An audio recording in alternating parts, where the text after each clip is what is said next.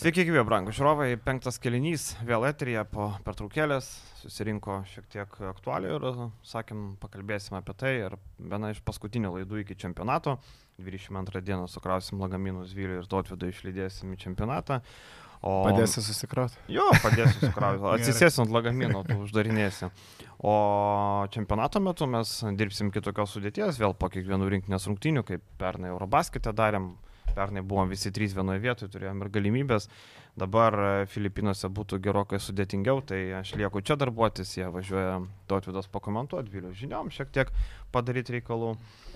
Ką, apie rinkinį pakalbėsim, aišku, svarbiausia, bet prieš tai, aišku, reikia priminti, kad laiką, subscribe paspaustų vis tiek Hebra, nu, jeigu jau žiūrit, tai nepagailėkit, seniai nebuvom, tai taip sočiai, taip kad, kad užtektų. Šiaip vasarą labai kilstelėjo skaičiai žiūrimumo.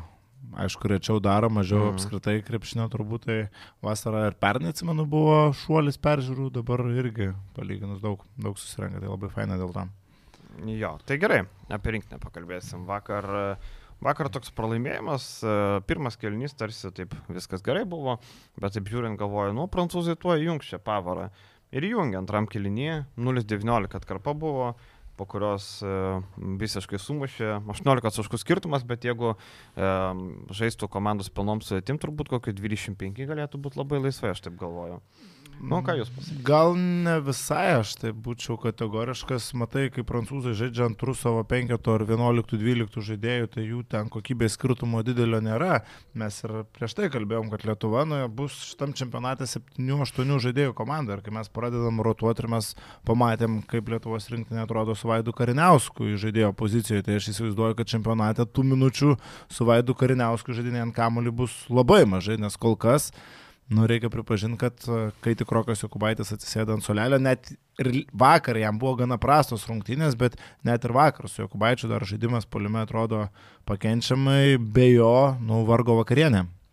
Tai tu nori pasakyti, kad, e, nes tu sakai, kad galėjo atsimti 25 taškais. No. Tai tu kaip sakai? Ne, aš tiesiog, aš, tiesiog su tuo pačiu, ne, aš tiesiog su tuo pačiu faktu, kad uh, uh, rotacijos nulėmė tą tokį mažesnį skirtumą, kad prancūzai žaidė žemesnį, uh, ne savo pagrindiniais penketais ir dėl to tik tiek, jeigu būtų pagrindinės sudėtis, būtų dar daugiau buvę. Tai aš galvoju, kad kaip tik pas mus, uh, kai uh, pradeda žaisti atsarginiai žaidėjai, nu, tas kokybės skirtumas yra dar didesnis į minusą, nei kad uh, mūsų antras penketas turi didesnį atotrukį į minusą nuo prancūzų antro penketo nei pirmas nuo pirmo. O tokia va. Tas, kas būtų, jeigu būtų, tai labai ja. toks relativus dalykas, man nepatinka tokios diskusijos, bet šiaip žiūrėjau Prancūziją, Venezuelą, atostogos toks metas, kad gali ir chlamo kartais pasižiūrėti visokio, tai, uh, nu, kaip ir kiekvienais metais nuo Furnie ten visiškai daug kas priklauso. Žmonės kartais pamiršta, kad čia yra vienas iš uh, geriausių FIBA tartautinio krepšinio pasaulio žaidėjų, aš taip manau. Ir jo visi čempionatai kol kas yra įspūdingi. Nu, praėjęs buvo ne koks, furnė, sakyčiau. 15, ne, jo, nebuvo koks, bet prisiminkim, kad ir visiems prancūzams nebuvo koks, nepaisant to, kad iškovotas sidabras, bet 15 taškų tą vidurkį turėjo. Bet jo, furnė praėjęs šis čempionatas nebuvo kažkoks geras, bet vis tik tai yra vienas geriausių žaidėjų visam pasaulyje, jeigu mes kalbam apie FIBA krepšinį, man tai atrodo. Ir jo nebuvo, ir nuo jo daug kas priklauso, nuo jo priklauso atakos organizacija, užbaigimas, žaidimas vienas prieš vieną, tai dabar jo nebuvo. Tas prancūzų veidas kažkoks tai galbūt būtų būtų kitoks, bet aš kažkokį pastebiu šūdų malūną užsisukantį, kad mes čia jau esam kažkur labai toli, mes jau galim gal geriau nevažiuoti apskritai, bet aš nelabai žinau, ką žmonės apskritai Nelabai suprantu, ko tikisi iš tos rinktinės. Kažkas labai mėgsta šitą rinktinę asocijuoti su 2010 metų komanda, kai ne, mes neturėjom pagrindinių savo žvaigždžių, bet mes galim lygiai taip pat asocijuoti ir su 25-26 rinktinėm, kai mes neturėjom savo žvaigždžių ir atsėmėme Mausų labai gerai Serbijoje ir Juotkalnyje ir e, Japonijoje pasaulio čempionate. Nu, 25 tokia šiek tokia, nesakyčiau. Žvaigždžių neturėjome. Bet uh, atsiemė mūsų, mes ten iki ketvirtfinalio viską buvom laimėję. Buvom viską laimėję. Gavom, rezultatas jo. yra toks. Jo, jo, jo, ir tuo metu dar ketvirtfinalis net nebuvo toks rezultatas, kad, kad mes kaip dabar sakom, ketvirtfinalis jau neblogai. Tuo metu dar ketvirtfinalis buvo mhm. tragedija Lietuvai. Tai realybė yra tokia ir mes dabar neturim lygiai taip pat uh, gero pirmo numerio, kuris būtų subrendęs. Mes turim kylantį pirmą numerį, kuriam yra viso labo 21. Mes neturim savo praktiškai geriausio antrojo numerio. Mes neturim savo trečių, trijų geriausių trečių numerių Lietuvoje, Lietuvos rinktinė, įskaitant jeigu Roką Gedraitį. Mes turim problemų su ketvirtais numeriais, mes neturim savo ryškiausios superžvaigždės. Mano požiūris į šitą rinktinę yra labai limituotas. Ir aš realiai pamačiau visiškai tą patį, ko aš tikėjausi ir apskritai iš tos rinktinės. Ne rezultato prasme, bet žaidimo principo prasme. Mes stringam su atakom, mums trūksta kūrybos. Mums trūksta net antroji pusė ir pikenrolų žaidimo, kaip mes matėm, kad kamolys tinkama linkme nenueina į vidų iki JV ar Donato Motyvūno. Nu, mums labai dar daug ko trūksta ir mes dabar turėjom galimybę pasimatuoti su viena iš, geriau, iš trijų geriausių pasaulio rinktinių. Ir tas pasimatavimas parodė, kad mes esam vis dar labai toli. Ir mums trūksta, jeigu mes sakom, kad va, JV sutrauks, atiduos, numes, kai mūsų snaiperiai nepataiko. Jeigu Bendžius per dviejas rungtynės 1-12 tritaškinų, tai yra labai prastas rezultatas. Nesvarbu, kad e, čia draugiškos, nedraugiškos, čia, e, aišku, negali kontroliuoti metimo, kaip Šaras sakydavo, gali gynybą kontroliuoti, metimų negali kontroliuoti, akivaizdu. Bet tendencija nėra labai gera, nu vis tiek draugiškas, tu žaidži be spaudimo, vis tiek nėra jokio spaudimo. Suprantu, bendžių spaudimas gal buvo prie Suomiją pataikyta lemiamą paskutinį, nu gal. Bet čia dabar eilė laisvų metimų, jie nesukrenta. Jeigu mes nepataikom tritaškių, jeigu mes viduje JV įsimeta penkis metimus, ar ne apie savo 17 minučių, tai mes absoliučiai esame invalidai, nu, negražus žodis, bet impotentai, kaip bebūtų, nu, nėra kaip žaisti ir tu čia nieko nepadarysi. Tos bandomos zonos gynybos man irgi toksai bandymas traukti tokį šiaudą, kur, nu gerai, tu gali Madrido realas, gali zoninę gynybą nepastatyti. Prancūzija tu... gali. Gali, bet, bet tu turi būti. Bet, tai nėra, bet tai. tai nėra visiška zona. Pas juos jie nie karto, man atrodo, ne vienos gynybinės atakos metu jie nestovėjo tokia keura zona visiškai visos Taip, ten, atakos metu. Ten būna po, užtvaros pradeda asmeniškai arba ten, kai įbėga į baudos aikštelę, bet iš esmės, nu, tokie dalykai atidirbami per pusę sezono, bent jau ne per, ne per tris savaitės. Tiesiog matosi, kad Maksvytis bando ieškoti, bando kažkokių išeičių ieškoti, bet, bet prieš stiprias komandas, nu, prieš Prancūziją, ten, nežinau, prieš Graikiją, ar ta zona labai duotų daug naudos, nu, vėl nežinau. Na, nu, žinai, ne, graikai šiaip tokių išreikštų metikų daug net neturės, turės žaidėją Tomasą Volkupą, kuris yra rizikuotinas žaidėjas perimetre, bet čia aišku labai tolimas, Toli, žvilgsnis, tolimas žvilgsnis į ateitį ir klausimas, ar ta mūsų zona gali duoti naudos, ypatingai kai mes pamatėm, nu, prancūzų kamulio judėjimas buvo kaip kontroliniams rungtynėms, kaip tokiam pasirengimo eta, cikl, ciklo stadijoje, nu, įspūdingas. Mustafa Falas pademonstravo dar kartą. Bet jis savo... Olimpiakos irgi tada. Jo, bet e, vakar tai dar labiau išriškėjo Olimpiakose, taip, faktas, kad jo tie nusimetimai irgi yra geri, bet uh, vakar, nu, tai tie šortrolai, nusimetimai silpnas pusės, na, nu, lietuviai nieko negalėjo padaryti. Matai, Eurolygoje jis, jis tai daro irgi gerai, bet ten būna organizuotos gynybos, ten būna a, kitokio lygio susižaidimas varžovų prie savo krepšio. Čia lietuviai, nu, tiesiog nieko negalėjo padaryti prieš tokį falo žaidimą. Ir žinai, tarkim, dabar visi, oi, kariniauską reikia atkabinti, reikia būtinai atkabinti. Nu, nieko čia nepadarys. Čia ne Kariniauskas kaltas, kad jis yra rinkinė. Tiesiog tokia situacija. Nu, nėra ką dabar daryti. Tomas Dimša vakar per 23 minutės irgi nežibėjo. Davidas Gidraitis negali būti žaidėjų. Prisiminkit Panatnaikas rungtynės, kur Perisas Lietį minėjo kamalį kaip iš vaiko. Tai, nu, jis yra antras numeris ir nežaidėjas. Ir niekada tokiam lygiai nežaidęs iš žaidėjų. Tai, nu, negalim.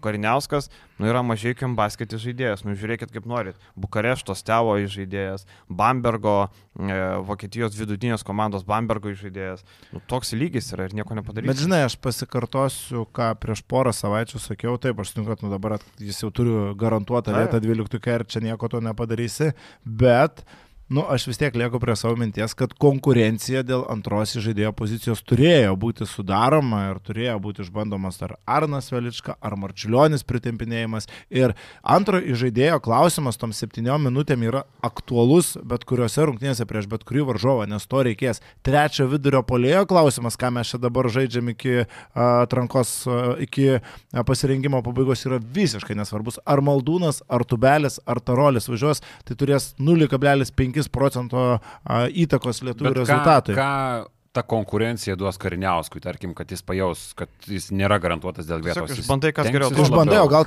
gal Velička, nu ta prasme, ar Velička yra prastesnis žaidėjas už Vaidą Kariniauską šią akimirką. Galbūt jisai išėjęs prieš tos prancūzus, jisai žaidė prancūzijos aukščiausiai lygoje, jis pripratęs prie to fiziškumo. Mes pamatėm, kaip Kariniauskas yra pripratęs prie tokio spaudimo ir kaip jis nusimetinėjo kamuolį per nugarą. Tai tam kontrolinės rungtynės ir yra, kad išbandyti kelis panašaus lygio žaidėjus. Galbūt Augustas Marčiulionis, kuris, nežinau, atrodė bent jau toj rezervinėje komandai gerai ar Matas Jogėl, aš sakau, kad šitoj pozicijoje turėjo būti žaidžiama iki pat galo ir ieškoma kažkokio varianto iki paskutinės sekundės, kas yra geriausia, nes tai yra svarbu. Trečias vidurio polės nėra svarbu. Nežinau, aš nemanau, kad čia duotų kažkokios naudos, bet gal. Aš manau vis tiek, kad Karniauskas yra geriausias pasirinkimas ir kaip tu sakai, nu turim, ką turim. Mes žaidžiam prieš komandą, kuriai diriguoja NBA žaidėjai, Eurolygos, ten žemiausia Europos taurė. Mm. Ir pas mus žaidžia antrų. FIBA čempionų lyga, Francisko. Jo, antrųjų žaidėjų. Dabar jau Barnas. Nu, dabar jau. Žaidžia mažai kiam basket atako organizatorius. Tai realybė yra tokia, bet nu, tokia yra situacija. Aš kažkaip nematau čia didelės. Žmonės labai užsikelia, užsikelia kažkokius tai labai didelius lūkesčius. Pasižiūrėkit, pas mus Dimša, Normantas jau čia patobulėja, nu, bet pasižiūrėkit, kas kitos rinktinėse žaidžia. Tai pasidaro viskas labai aišku ir tas totrukis pasidarė aiškus. Kitas dalykas, vėl labai matėsi, kad prancūzai atvažiuoja su to pačiu branduoliu, kuris dabar aišku yra dar ir lipinamas Paryžiaus olimpiniam žaidynėm, kurie yra labai užhypinti gero galimo pasirodymo ir galbūt net aukso medalių. Tai mes matom tokias situacijas, kurias prancūzai daro eilę metų. Nu, čia kažkiek ir draugiškų rungtynių specifika, kadangi abi komandos ieško savęs ir ypatingai Kazys Maksvytis ieško savęs gynyboje, pristaikant prie įvairiausių sistemų, kad tau nebūtų cirkų, kokiu buvo su ispanais praėjusio Europos čempionato playoffuose. Bet tarkim, prancūzai daro tą savo double screeną atleidžiant gynėją į viršų. Visiškai klasikinis prancūzų, net nedernys tokia, sakyčiau, situacija. Ir mes pasimetam, kažkur Bendžius stepautina trumpai, kažkur Normantas eina per apačią ir ten pirmoji rungtinių pusė, kur jūs irgi reagavot, dekolo, kur trajeką išveitė. Tai visiškai eilinė prancūzų situacija, bet mes va taip ją, jie kažkaip chaosiškai reaguojam, o tiksliau visiškai nesureaguojam. Tai buvo geras atspindys, kiek mes esam kol kas sutrikę ir pasimetę savo tam ieškojimų keli. Bandyta, aišku, stepautint, kas visiškai nepasteisino su Dymo ir su, su Valančiūnu. Nu, Nu, Valančiūnas stepautas tai labai. Negali sakyti, ten visiškai nepasteisino, bet porą kartų buvo taip, kad galbūt gerus, neblogus bandymus tie keli kartai nustembė visiškai, kur įkišo pasą Goberoj Dekolo, kur ten net neturėjo šansų sugrįžti po stepauto GV ir trim pasais išdraskė mum išangę tarpėjus, uh, Jebuselė ir Goberas. Tai nu viskas pasimatė. Matai, tas ir yra, tas tapautas to valančiūno gali vienai atrodyti prieš Atkalnyje ar prieš Meksiką, visai kas kita, kai žaidžia prieš tokius išpildytojus kaip prancūzai. Ir čia buvo ir Višniauskas vakar komentuodamas gerai pabrėžė, kad šita prancūzijos rinktinė yra neatspindys Europos čempionato, kurie užėmė antrą vietą, bet kaip mes ką tik ir kalbėjom, nu tikrai nežaidė gerai. Čia yra labiau olimpinių žaidinių prancūzijos komanda, kuri žaidė gerą krepšinį ir nužygiavo iki finalo. Ir matant tokius prancūzus darbę Furnie, nu tai tikrai yra vieni iš pagrindinių favoritų kažką nuveikti rimto šitam čempionate, ypatingai matant, kaip susilpnėjo pagrindiniai konkurentai. Ispanai netenka Ricky Rubio, Slovenai netenka Čančaro, kitos komandos taip pat, Jokičiaus neturi serbai, graikai atento kumpų galbūt neturės. Ir tu matai prancūzus, kurie yra stipresni negu buvo pernai. Tai žvelgiant į tokią prancūzijos komandą tikrai Nu, matosi labai aukštos vietos. Ir šiaip, žinai, Kuzminskas gerai pasakė, kad jeigu mes norim kažką, turim būti kietesni, turim būti kovingesni, turim daugiau norėti. Normantas garsėja gynybą, bet pirmame epizode Dekolo išplauno kaip nori. Dekolo, kuris yra veteranas, e, bet labai gudrus, nu gerai, gudrus, viskas gerai, Eurolygos žaidėjas, nu, bet Normantas turi žinoti jo bent jau ranką, turi viską. Tokį lengvą pašokdinimą padarė, praėjo du su bauda. Ne? Mm, trūksta to tokio mm, kietumo, gerai, čia draugiškos, ne, ten ne, neįsimuštis, bet atrodo, kad kartais ten, kai, kai Benčius numušė dekolų su baudai užrybė, atrodo, buvo kiečiausias epizodas tų rungtinių. Daugiau mes ten kažką, kažką, kartais ir to proto pritrūksta, nu ar tu prasiveržęs pro per goberą mesi, ten gerai, prancūzų tik keturi blokai, bet kiek buvo tokių, kur arti bloko, dar kokie keturi, penki nesuprantu Kariniausko noro būtinai atsižymėti, ant savo verpstę daro, prasiveržia tą kairę metą, nu kur tu prieš terį tarpėją, ne, ne prieš tarpėją, prieš Nilikiną bandė tą nugarą sužaisti. Jo, bandė. Nu, ne tas lygis, absoliučiai ne tas lygis ir nėra čia ko norėti, čia absoliučiai, žinai.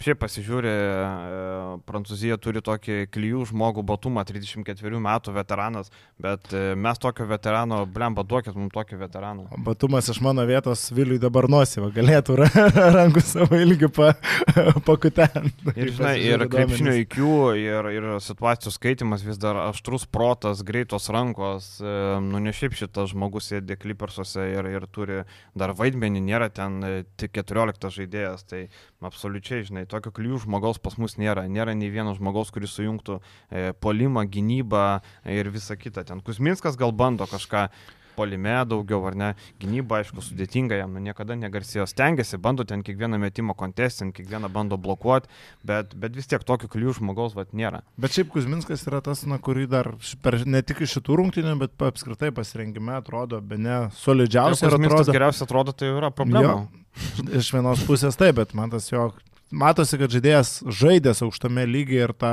tos epizodus vertina, tas krepšinio įkų tikrai atsispindėjo ir Suomijoje, atsispindėjo ir Prancūzijoje ne per savo fiziškumą, o per savo situacijų, gerų situacijų vertinimus, tos taškus susirinko, tos pražangas išprovokavo, tai Kuzminskas šitoje rinktinėje bus vienas iš lyderių panašu. Ir laukia dar du mačai e, Lietuvoje, Suomija ir Prancūzija, su Prancūzija jau penktadienį Vilniui ar kažko kito galima tikėtis, turbūt, kad, nu, namie gal kažkiek daugiau emocijos, kažkiek daugiau kažko. Dar bet... gali tikėtis, kad, nu, realiai rinktinė sužaidė, nu, dėliokim kaip norim, bet 80 taškų rungtynės, kas nėra blogai. 72 yra įpurtyti, bet realiai su tokiais pramestais metimais, nu gerai, Bendžius per pastarąsias dviejas rungtynės vienas iš 12, nu, bet aš kažkaip esu šitoj vietoje žmogus, kuris tikisi kad viskas bus pagal realybę. Tai yra, Bendžius yra geras metikas ir tuos metimus susimes. Normantas tokius paprastus irgi metimus, tokių pramestų metimų nedarys. Prasidėkio metimo tikėsi? Prasidėkio metimų ne, aš nežinau, kas ne. kūrė utopiją ties žaidėjo metimų, kurio net mechanika nėra kažkokia. Žinai, kas gera. labiausiai, man, bet man tas įdomu, kad, vat, tarkim, paklausau Dango podcast'ą Tomas Purlys, ne, jis ten stoja mūrų Brasdeikį, čia gerai pataikys, geras metikas, čia viskas gerai, pagerėjo procentai, bet aš taip žiūriu, nu, vakar vieną tai purtė, ne vieną, pirmą, po to 0-4 ir visur tai būna 1-5, 1-4, 2 2-6, nu, Tai yra toks metikas, 25-30 procentų metikas. Aš nematau jo geresnio. Jeigu dabar reiktų, tarkim, lažintis, ar Eurolygoje jis pasieks 35 procentus tritaškių, pasakyčiau ne. Tai žinai, vienas dalykas 35 procentus, tarkim, pasiekti prieš tave taiko visiškas rizikas ir meti laisvas, kitas dalykas, kai tavo metimus kontestina. Tai kartais tas 35 procentai net nėra geras, jeigu to prieš tave visada taip. rizikuoja. Na, nu, bet žinai, bet, tu žiūri, nematai, jo, jo. kiek laisvų, bet... Taip, taip, taip. Bet, bet, nu, iš esmės, nu, tai vėlgi, Brasdeikas, jeigu yra visiškai laisvas, jis turi mesti. Tai turi, aišku, zonas, visi turime. Nes, nes kai varžovas prieis arti, nu, mes pamatėm, vienas prieš vieną Brasdeikai iš to rinktinį vis tiek yra nu, geriausias tai taip, žaidėjas. Tai ir, dėl to ir, nekvestionuoju, bet apie taip, taip. metimą iš toli. Ne, metimas iš tolių tai kaip buvo, taip ir lieka. Aš nematau jokio patobulėjimo. Ten sezono pradžioje kiek Eurolygo 15-16 procentų. Tai blogai tikrai nėra. Nėra ką, bet, bet tai nėra geras metikas ir darykit, ką norite. Tik va, aš ko noriu rinktinėje iš to, ką pamačiau, nu daugiau žaidimo, kai Sirvidis yra aikštėje, ant jo stagerių, ant jo išsimetimo. Nu, va čia va yra gera metimo technika, greitas išmetimas, geras pataikymas, pasitikėjimas savimi. Aišku, tai yra kontrolinės poro rungtinių, bet, nu, žiūrint į Sirvidį, man nepanašu, kad jis gali subirėti psichologiškai ten išėjęs pasaulio čempionate tom keliolikai minučių ir aš norėčiau netgi dabar žiūrint iš Sirvidžio gausesnių minučių ir svarbesnio vandens, e, vaidmens, nes polimėjais duoda mums nemažai gynyboje, mes ir taip turim skilių N ir ten, e, jeigu norės muš per valančiūną, jeigu norės muš per bendžią, jeigu norės muš per sirvidį. Tai ta gynybos problema yra ar taip, ar taip didelė Lietuvos rinktinė, tai reikia statyti ant polimo. Aš kažkaip nematau iš tos uh nežinau, gal įvairia pusiška, bet tarkim, graikai nukraujavo labai stipriai, neturėdami Dorsi, neturėdami Sluko, Kalačio ir greičiausiai neturėdami Antitukumpo. Ir matai, kas lyderiauja? E, pagal ką? Nu, kas... Rakovopolos. Ne, ne tai tas taip, bet Lundis. Liundzis. Taip, Liundzis ten traiško, žinok. Jo, Ravkopopolos, tai jisai... Jis dar išmokė ištarti šitą Baskonijos pasirašymas, tai reikės išmokti. Nes jisai Baskonijoje. Ragavopolos? Ragavopolos, jo. Mhm.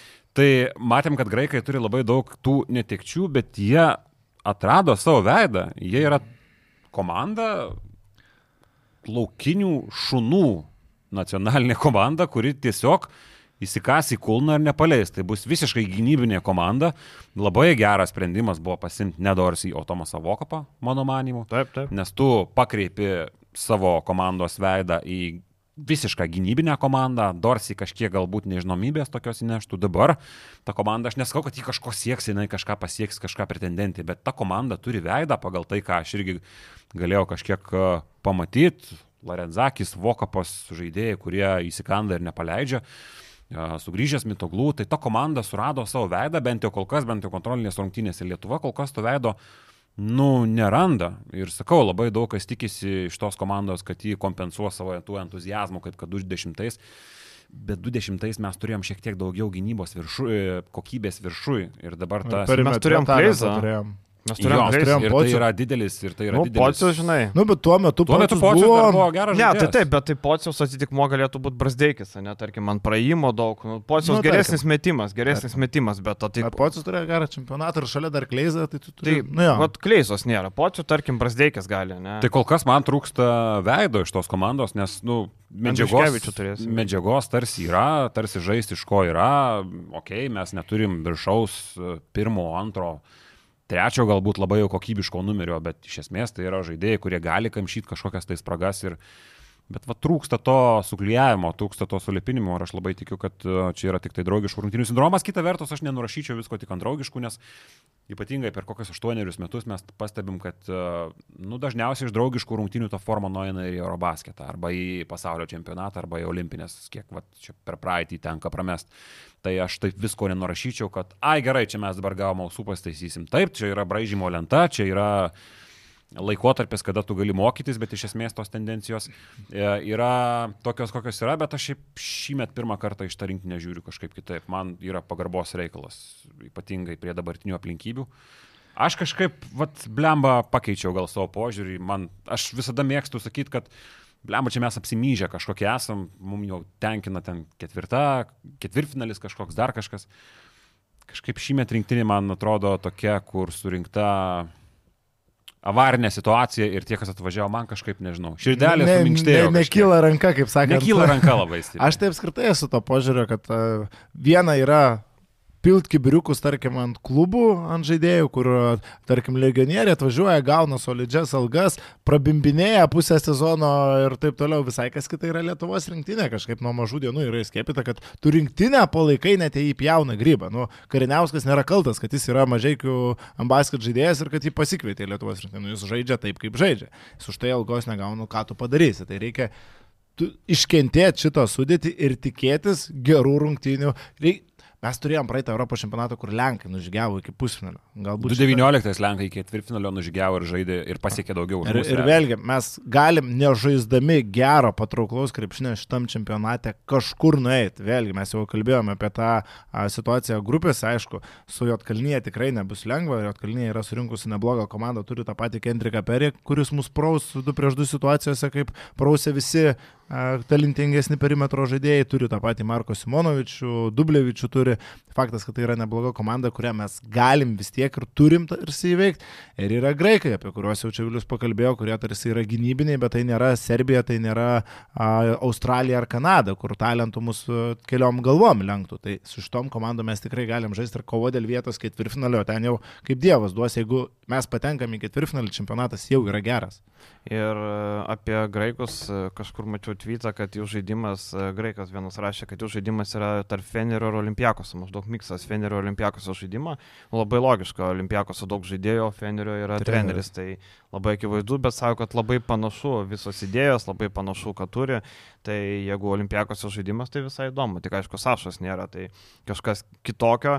Um, Janis, man labai keista, iki čempionato lieka kiek 15 dienų ir, ir vis dar neaišku, ar žais e, ant tėtų kumpą ar nežais, labai įdomiai ten viskas dėliojasi, bet turbūt, kad nežais, arba tiesiai iš paplūdimio ateis, arba, arba gal bus kaip uh, Seulė pakvies, sakys, tai tu važiuok su mumis pasėdėsi, kaip sabas, pasėdėk, pasėdėk. Tai ir dėl jo, ir dėl Murėjaus, dar kaip suprantu, Kanadoje. Tai Džemalas Maris apskritai gali atvykti tik tai tiesiai į Aziją, Mm. jeigu jisai atvyks. Tai nėra. Aš tai bejoju. Nu, kažkaip sunkiai, kad žaidėjas atvažiuotų, bet man atrodo, kad uh, Cory Josefas 2019 Taip, taip. metais atvažiavo tiesiai į čempionatą, ten pas juos tokia uh, įprasta praktika, bet šįmet uh, kažkaip visada kanadiečiai buvo tie, kurie paskelbė įspūdingą savo sąrašą, bet surinka visokį šrotą galiausiai. Šįmet uh, situacija kita, okei, okay, gali nebūti ir ko gero nebus Mario. Kiti žaidėjai irgi, šiai Gildžias Aleksandr, man atrodo, irgi dabar. Vakar, vakar nebuvo jo. Nebuvo. Nebuvo Vakar su nebuvo. Tai ten klausimas irgi Dortas, yra, bet iš esmės Beretas. yra Dortas, Ergi Beretas, Bruksas. Tai tų žaidėjų yra labai gerų, tada yra aplipdytas kažkoks tai brandolys ir iš Eurolygos ten Kailas Tai Aleksandras. Olinikas neblogas, Kelio plečiantis. e, Tas pats Aleksandris Walkeris geras, irgi Taip. rolės žaidėjas. Tai tokių žaidėjų turim, man Kanada patinka. Tai šįmet kanadiečiai jau yra kitokie, nei kad visada rėkė garsiai, bet nieko Tik neatsivė. ten nu, situacija bus labai įdomi pasaulio čempionate. Viena iš didžiausių intrigų jau dabar man yra, kas liks be ketvirtfinalio. Aišku, kai Ricky Rubio sustabdė karjerą, tarsi visuokis krypsta nes arba prancūzai, arba ispanai, arba Kanada lieka be ketvirtfinalio, kad ir kaip bežiūrėsi iš tas... Arba Latvija. Nu, Latvija ir Latvija dar iš tam kontekste, Taip. taip, kurie irgi grupė gali tikrai bent vieną Bet aš nestatau, kad nuskint. Kanada apsiloš būtinai Latvijos. Aš irgi ne. Matėt, kad Kristapas Porzingis gali nevažiuoti į čempionatą, Dėl ko? nes yra pėdos trauma ir dabar yra rizika. O, papa, matai. Tai čia yra labai didelis klausimas. Jie gali likti be Porzingio? Tai Gali. tada, tai tada visą gerą. Neiktų. Visą gerą. Mes kitą savaitę pakalbėsim apie Mhm. visas komandas, sudėliosim prognozes, pasižiūrėsim, kas iš mūsų geriau išprognozuos pergalės, pralaimėjimus, išimus kitą etapą ir panašiai. Tai vad kitą, kitą laidą skirsim tam. Um, daugiau ką apie tai, apie žiūrovus labai to atvedinu, Ai, apie ne, tai Apie palaikymą. žiūrovus šiaip ir Kazis ir Kuzminskas pakalbėjo, kad nu, Prancūzijoje tikrai ta atmosfera buvo visai smagi, Suomijoje irgi mes matėm, kiek 13 tūkstančių ir galių susirinko, nu pas mus biškito šventės trūksta rinktinė žaidžiant ir aš kalbu apie, e, bet daugiau gal ir apie žmonių pačių nusiteikimą, mes turim labai fainas atmosferas klubų rungtynėse tiek ryto, tiek žalgerio, tiek to pačio lietkabelio. Nu, Kuzminskas ten gerai durė, sako, žygį va ir tau. Nu, čia, bet čia ne, ne žygiai šiaip akmuoja. Aišku, ne, nes čia ne jo darbas. Nes žygiai šalia buvo jis pranešimus, rašo žmogus, o dabar išgarsėjo kaip atsakingas už tai, kad šventės. nėra. Šūdą malą išgarsėjo. Šiaip žygis gerą darbą daro žmogus šiandien. O tos atmosferos tikrai šiek tiek stinga pas mus, kai Lietuvos rinktinė žaidžia ar kontrolinės rungtynės, ar langų. Čia okmoji tos, jau prieš praeitą čempionatą, per praeitą čempionatą aš kalbėjau, kad tarsi lietuvių daug Vokietijoje, bet jie gana tylus ir gana nuobodus. Ir to proveržio kažkokio palaikymę norėtųsi iš... Tau Vokietijoje lietuvių. trūko garso? Nu, garso rėkiant heitai būdavo nemažai, bet ties tuo ir pasibaigdavo. Tai kažkaip to tokio cinkelio Lietuvos rinktinės rungtynėse norėtųsi ir tiek žaidžiant namuose, tiek ir iš tų žmonių, kurie nuvyksta į čempionatą. Jo, aš tai tą patį galiu pasakyti, kad pas mus biški kai kurie dalykai yra pervertinti, kad a, nuvažiuojam čia mūsų daug, bet jo, mūsų daug, mūsų Vokietijoje buvo labai daug, bet tas palaikymas buvo, ne, momentais mes galime, jo, visada, va, Palauk, tu tiek iš- išgertų malos, pažiūrėčiau, kaip Kai, palaikyti. kai, Tai kai, kaip tik tu matai, kas grai, graikai, pavyzdžiui, va žaidė su... Blemba, su kuo jie žaidė, neprisimenu, bet mes gyvai žiūrėjom irgi. A, jo, jo, jo. Pleofuose Berlyne jau suvažiavo fanai ir jų buvo gal tūkstantis, nu kad tikrai mažiau nei mūsų, bet uh, bičias be maikės, kaip uh, prie žalių ežerų vasarą, džinsiniais bridžiais. Uh, Dukūrė tikrai gerą vakarėlį, jis ten užvedinėjo, pas mus va, to nėra. Ok, aš suprantu, kad susirinka fanai iš visos Lietuvos arba netgi viso pasaulio, uh, kaip kad vasarom labai dažnai būna ir ten sunku labai kažką vieningai užvest. Bet vis tiek ne apie tai. Nu, tu gali kažką daugiau padaryti. Bet... Tu gali kažkaip... Uh, Ir žinai, esmė, kad apvilkt. ir tu pas tos pačius graikus ar pas kažką irgi neina tie klubų ultrasai, ten nėra olimpijakos, o fanai Taip. graikai. Ta prasme, tai yra Dabar- jie palaikantis. Dabar tai vyksta Akropolio taurės turnyras ir buvo rungtynės, nu, vyksta rungtynės OAK arenoje ir graikai žaidžia kaip šeimininkai. Taigi net nepilna ta arena, atvažiuoja žmonės irgi su šortais iš pležų kažkur tai ateina pasižiūrėti. Ir ta nuotaika būna smagesnė Prancūzijoje ir Vokietijoje. Tas ir išsiskiria, kad, nu, krepšinis yra apie šventę. Ir vakar tai, tai labai puikiai matėsi. Arena, aišku, jam gražus žaidimas, jie laimi, nuotaika automatiškai gera, bet pas mus, nu, to trūksta kartais, tikrai trūksta. pa, pra- pas prancūzus visada gražu, tarkim, Lilė, atsimenu, 15 metais irgi labai faina buvo tam stadione, ten visi gėdoja himną, Marselietė savo dainuoja, jie turbūt negėdoja, jie Mhm. dainuoja, a, visi su vėliavėliam, viską pas juos ta kultūra, pas mus nedalina vėliavėlių. Kodėl KFS prieš rungtynės nedalina vėliavėlių? Bet-. Nu, rimtai, o kodėl? Neįsivaizduoju. Nes ten ateina visi su vėliavėliam. Nu, gražu pasižiūrėti, ne? A, tarkim, bet čia jo geras pointas, mes, Nu. nu? tai rankinį tie patys žmonės renkasi, aš kaip visada galiu iš to palyginti. Ir mes kažkada tas tarškinės, rankinį tai žiauriai populiaru. Nu ir lipo tas tarškinės, tu tą tarškinę padarai iš Tai programėlės. liet kabelė tas pats būdavo. A, ir nu tie žmonės, žinai, Iš vokiečių, pasiima, jie- vokiečiai šitą Jo, naudoja. jo, Vokietijoje, tai čia Prancūzijoje taip pačiai tos Nu. nu. armonikėlės tarškinės, o žiauriai eina. Tai jeigu nėra kažkokios kultūros, tu galėjai dirbtinai šiek tiek paskatinti. Arba vėliavėlės padalinti, visi gražiai sėdi su vėliavėlė. Vėliavą, kodėl ne? Juolab, kad mes jau vaizdas. klubuose turim tą, tu šiokią, to, nu ne šiokią, tokią normalią kultūrą, tiek žalgerio arenui, tiek džipę, tai jau yra europinio lygio palaikymas, o rinktiniai, nu, tai kažkaip nepersidoda. Tai pažiūrėsim, kaip bus vat, penktadienį mm, SG ir e, po to Klaipada iš Vitorio arenui. SG atnaujintas, pažiūrėsim, kaip ten viskas atrodys. Na, Kaip prie- tie televizoriai koridoriui man labiausiai Ir alų per appsą galėsi pirkti. A, jau, jau šitas padaryta. Aš nežinau, jūs sakė, kad bus, gal yra, nėra. Sakė, kad bus ir 20 tūkstančių žmonių. Ne, bet ne, ne, nu tai tuo metu, kai jau apžvalgą darė arenos, tai Mm. sakė, bus, tai gal jau yra. Gal reikės pasižiūrėti. Jeigu SG arenui liekant, ką, Tai gerai perėjom. Vilniaus Vuls e, darbuojasi rinkoje. Ir vakar pasikvietė žmogų, kurio, sakau, prieš savaitę mes į turgų įrašėm, nes sakė, kad tikrai bus. Pasirodo, nemelavo šaltinis, Džordžia Gagičius grįžta į Lietuvą. Ir man tik tai vad vienas klausimas. Iš kur visi traukia, kad Vulsai sakė, kad pirks skambių žaidėjus? Iš kur čia šitas? Parodykit Na, man. tu kur... pasakyk, žmogau, buvai pasipiktinęs komplektacija. Nu, kodėl? Ta prasme, O tai tai kur buvo klubas, pasakyta? Jeigu klubas kalbėjo, kad e, per kelis metus eis į Eurolygą, kad atsiveš Eurolygos žaidėjų, buvo sakyta, tu dabar čia pasakai suras, aš dabar tau čia Tai palauk, tai. Eurolygos žaidėjo, tai palauk, Jeffrey Tayloras Eurolygos žaidėjas. Ai, nu tada. tada Ne, nu tai- Neapgavo tada. Bet tai palauk, aš ne, nemačiau niekur būtų sakyti, kad mes Vulsai vasarą pirksim garsius žaidėjus ten žinomus. Konkuruosim su Žalgiriu buvo, čia šitas pasakyta, tai nu Tai tikrai gal tose pirminės. Palauk, dar nematom dabar, nu tai palauk. Bet e, aš nemačiau, kur, kur buvo kalbama apie Tai, tai skambės tu nori pavardes. pasakyti, vat, kai Vulsai startavo su savo projektu, tu tikėjai, kad kai ateis klubas į Europos taurę antrus sezonus, mes matysim tokią, tokią sudėtį, kokią matom dabar surinkamą, nu aš tai ne. Aš tai matau vieną problemą, kad biudžetas nepadidėjo, o žaidėjų reikėjo nusipirkti. Aš matau, kad aš nematau biudžeto padidėjimo, tai aš matau tame. Ir aš suprantu logiką, kodėl jie atėjo pas Minėtą, Juškevičių, Žukauską, kitus paprašė susimažinti algas, nes norėjo daugiau krepšelio turėti pinigų. Nes dabar, kaip matom, tam krepšelį, nu, Džordžia Gagičius, mano žiniom, 120 tūkstančių eurų per sezoną. Tai yra, nu, pusantro karto daugiau negu lietkabelį gaudavo, tarkim, ar ne? Viskas ok, logiška. Gagičius yra brangesnis negu 70-80 tūkstančių žaidėjas. Viskas gerai. Tarkim, Trišonas Turmanas. Man šitas pirkinys e, toks 50 ant 50, aš vis dar nesuprantu, kodėl vyrukas e, Molandų ir Belgų lygoje po 8 taškus metė. Nesuprantu šito, kodėl. E, Mekovulų, darbinis arklys. Tai Gagičius su Mekovulu skirtingi centrai. Aš e, sakiau prieš dvi savaitės, kad Vulsai būrė komandą ne iš pavardžių, o būrė pagal tai, kad būtų kažkokia kovinga komanda, kad, kad būtų kažkokia su aiškiais, kažkokiais principais, žinai, kad Gagičius duosi viduje bus taškai. Mekovulų susikeitimam Turmanas toks, all around turbūt. Taip, pavardžių, žinai, turbūt visi norėjom seksi, bet man, bet man atrodo, kad pinigai. Aš va būtent tą noriu pasakyti, aš nekvestionuoju žaidėjų pasirinkimo, ta prasme, iš to katilo, kurie renkasi tiesiog, nu čia gal mano lūkesčiai, gal ir žmonių lūkesčiai buvo tiesiog, kad nu klubas daugiau investuos į sudėtį ir taikys į aukštesnį lygio žaidėjus. O ką renkasi, ta prasme, čia komanda sudarinėjantys žmonės, čia jau yra visai kita tema. Čia pernai buvo stipri degykla, pažiūrėsim šiemet galbūt iš klaidų jau pasimokyta. Kol kas iš to paveikslo, kurį mes matom, sunku dar vertinti ir labai daug kas priklausys nuo to, kas bus paim, paimta į perimetrą. Bet iš to, ką aš matau atmetus tas priežastis, kurias tu įvardinai pasirenkant pernai lietuvius, Vulsai turi silpniausius lietuvius iš visų keturių, top keturių komandų. Tiek Lietkabelis, tiek Rytas, tiek nebijotinai Žalgris turi geresnius, mano akiai, lietuvius. Nu, dėl Lietkabelio pasiginčyčiau. Tau Lelevičius Maldūnas yra geresni už A, Vulsų lietuvius. Tai, tai dar pridėkime Sirvidį, Sirvidį. pridėkim Nu, Varną, Sirvidis. pridėkim Bičkauskį. Nu gerai. Uh, O ką ne, turi Vulfs?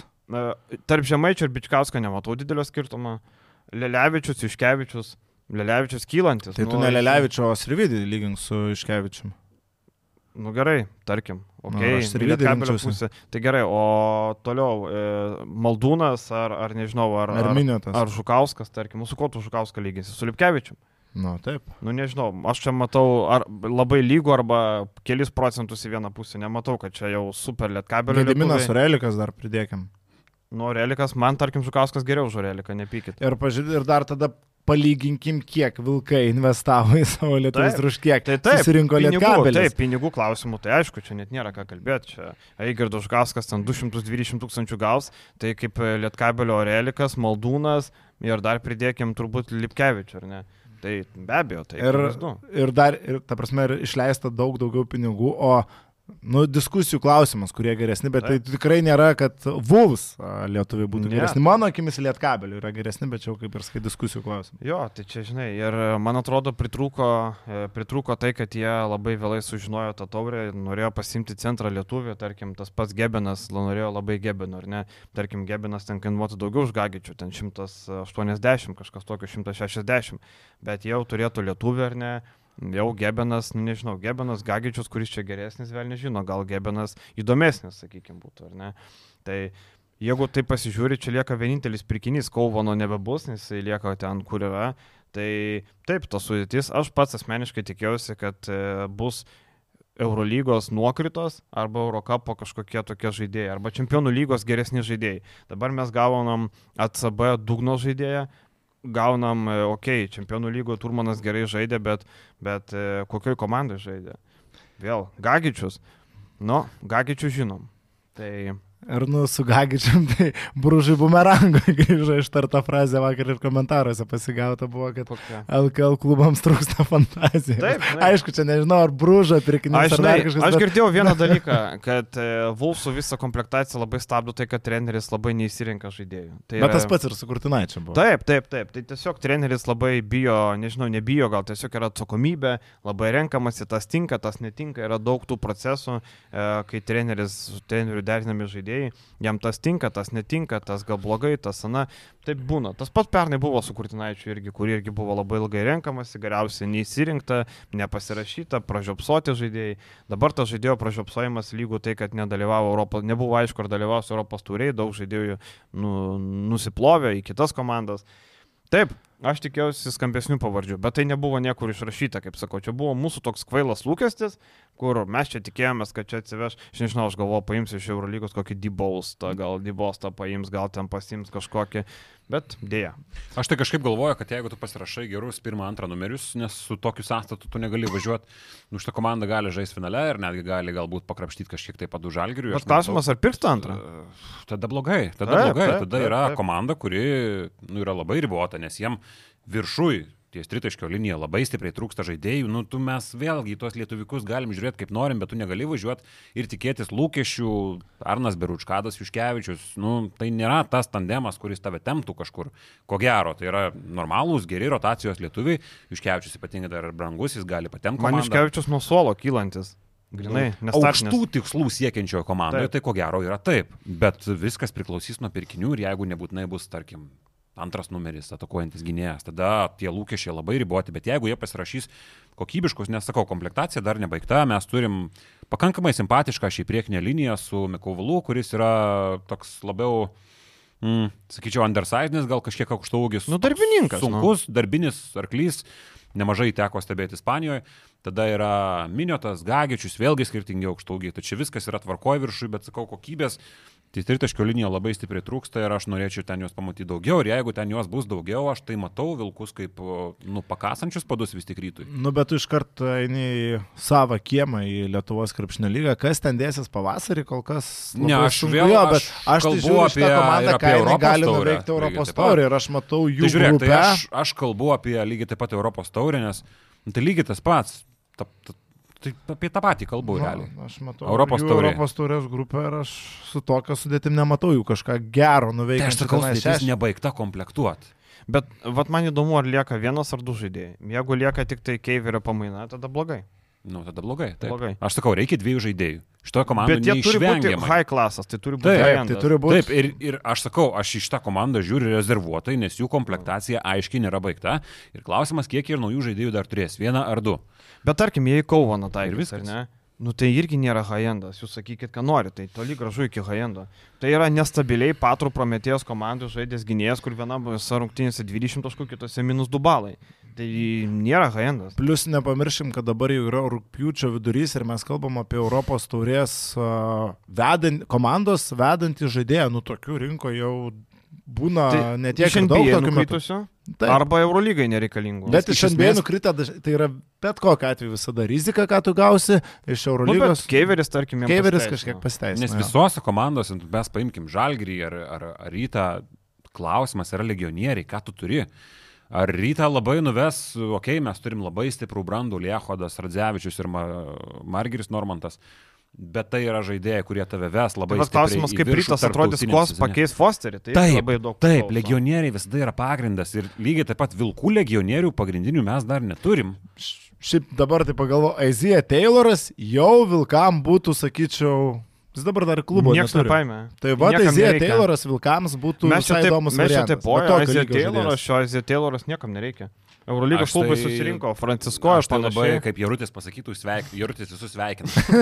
tai sveikinu, sprendi, sveikinu sprendimą, labai sveikintinas sprendimas. Tai sakyčiau, sveikintinas sprendimas buvo nuimta Izėja Taylorą. Man, nu, iš mano perspektyvos, nes ką galiu tą sakau, man nepatinka tas žaidėjas. Aš dar Bet mačiau. čia kalbam apie žalgyrį, vilkai šiek tiek kitam kontekste. Vil, vilkus aš pasveikinčiau įsigijus. nu, gal, ne? jo, į vilkai gal. Bet blemba, bet aš nežinau. nepasveikinčiau, nes trajako trūksta.